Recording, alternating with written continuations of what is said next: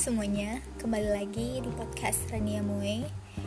Uh, mungkin podcast kali ini tanpa teks lagi karena lagi kepingin ngobrol pelong aja gitu tanpa ada aturan kata-kata yang harus diucapkan kan.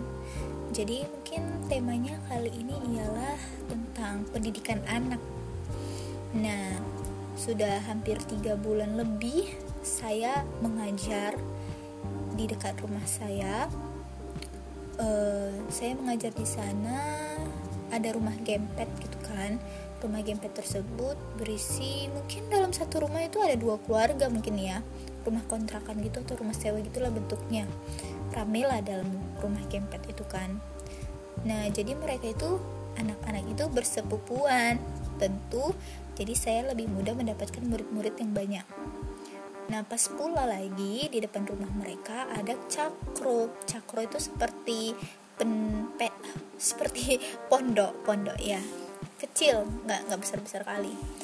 Jadi saya seringnya sih mengajarnya di sana dan lebih suka mengajarnya di sana karena kayak depannya jalan terus langsung terkena sinar matahari pokoknya bagus lah lingkungannya pun di sana bersih uh, terus lingkungannya nggak berisik pokoknya bagus untuk mengajar gitu kan.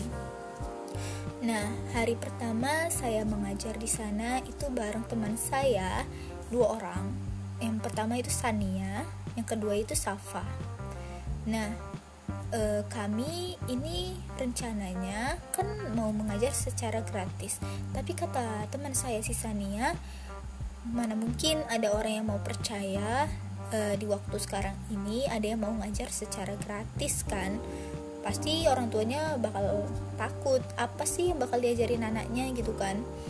Jadinya kami akal-akal sisanya ini mengatakan kalau bilang aja kita ini anak mahasiswa yang sedang melakukan tugas untuk uh, mengumpulkan data mengenai uh, apa perkembangan pendidikan anak pada masa pandemi. Nah, jadi pikiran saya iya juga ya, bener juga strateginya. Nah, jadi saya datang lah kan, ciki ciki ciki ciki ke rumah mereka. Sampai di sana lumayan tegang karena ada neneknya. Eh, neneknya yang kami uh, minta saran kan, uh, boleh nggak nek kami ngajarin adik-adik ini. Terus kata neneknya, uh, kalau misalnya mereka suka ya udah ajarin aja. Uh, mau coba berapa hari gitu kan. Kami bilang lah tiga hari nek gitu kan. Udahlah kami akhirnya uh, mengajar tiga hari. Nah setelah itu kami uh, terkejut sih melihat pendidikan anak-anak di sana. Padahal jarak dari rumah saya ke rumah mereka itu hanya berapa ya berapa meter ya? Mungkin 10 meter sih gak, jauh-jauh amat. Tapi pendidikan itu bener-bener anjlok. Mungkin karena masih SD ya. Tapi kayak kalau dibandingkan semasa saya dulu masa saya kayak lebih bagus itu tapi ya mungkin karena pandemi ya pasti pendidikan sangat-sangat terbatas. Dan anak-anak juga mungkin gak terkontrol oleh uh, orang tuanya yang apalagi sibuk untuk mencari nafkah. Sedangkan dia main-mainnya ya sama teman-temannya juga terus menerus kan. Nah ada yang uh, eh, TK tapi mau masuk SD kan. Tahun itu dia belum bisa membaca belum bisa menulis. Pokoknya belum bisa apa-apa gitu. Jadi harus diajarin dari awal benar-benar dari nol. Terus ada yang lagi udah kelas 4 SD ada tiga orang gitu kan hmm, belum hafal kali-kali. Belum ngerti bagi-bagi. Eh, nggak -bagi, memahami konsep cerita.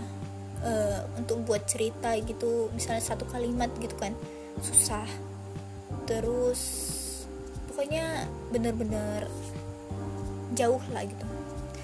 Uh, terus ada lagi yang kelas 5 SD ini lebih parah. 5 SD gak bisa baca gak bisa menulis pokoknya bisa sih baca menulis tapi nggak lancar. Nggak kayak anak kelas 5 SD pada wajarnya gitu. Jadi kayak saya berpikir kalau misalnya lah kami mengajarkan mereka bagaimana cara mengajar yang baik gitu kan. Apalagi kelasnya beda-beda levelnya beda-beda. Kan nggak mus nggak apa ya kalau misalnya kelasnya itu sama semua bakalan enak kan materinya untuk diajari ini sedangkan beda-beda kali umurnya pun jauh-jauh kan. Terus teman-teman saya pun si Safa rumahnya jauh jadi jarang untuk datang. Terus si Sania sakit jadi nggak bisa masuk. Akhirnya saya sendiri yang mengajarkan mereka semua kira-kira ada tujuh anak lah kan dengan kelas yang berbeda-beda di situ sih struggle yang saya jalani selama berapa ya? Tiga bulan itu kan. Bener-bener ih bisa bisa ini bisa. Dan ternyata ya alhamdulillah bisa.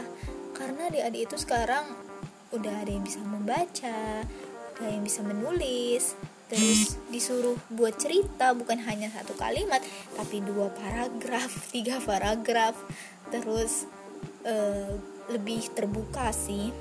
Dulu hari hari pertama itu tutup kali per, penutup eh apa ya pendiam pemalu kali. Sekarang ngomongnya itu ceplas ceplos ceplas ceplos. Tapi saya senang sih karena orang itu terbuka gitu kan.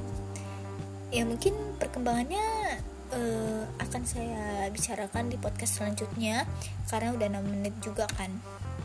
Jadi uh, untuk podcast kali ini saya hanya cukup uh, menjelaskan tentang pengalaman saya mengajar awal kalinya.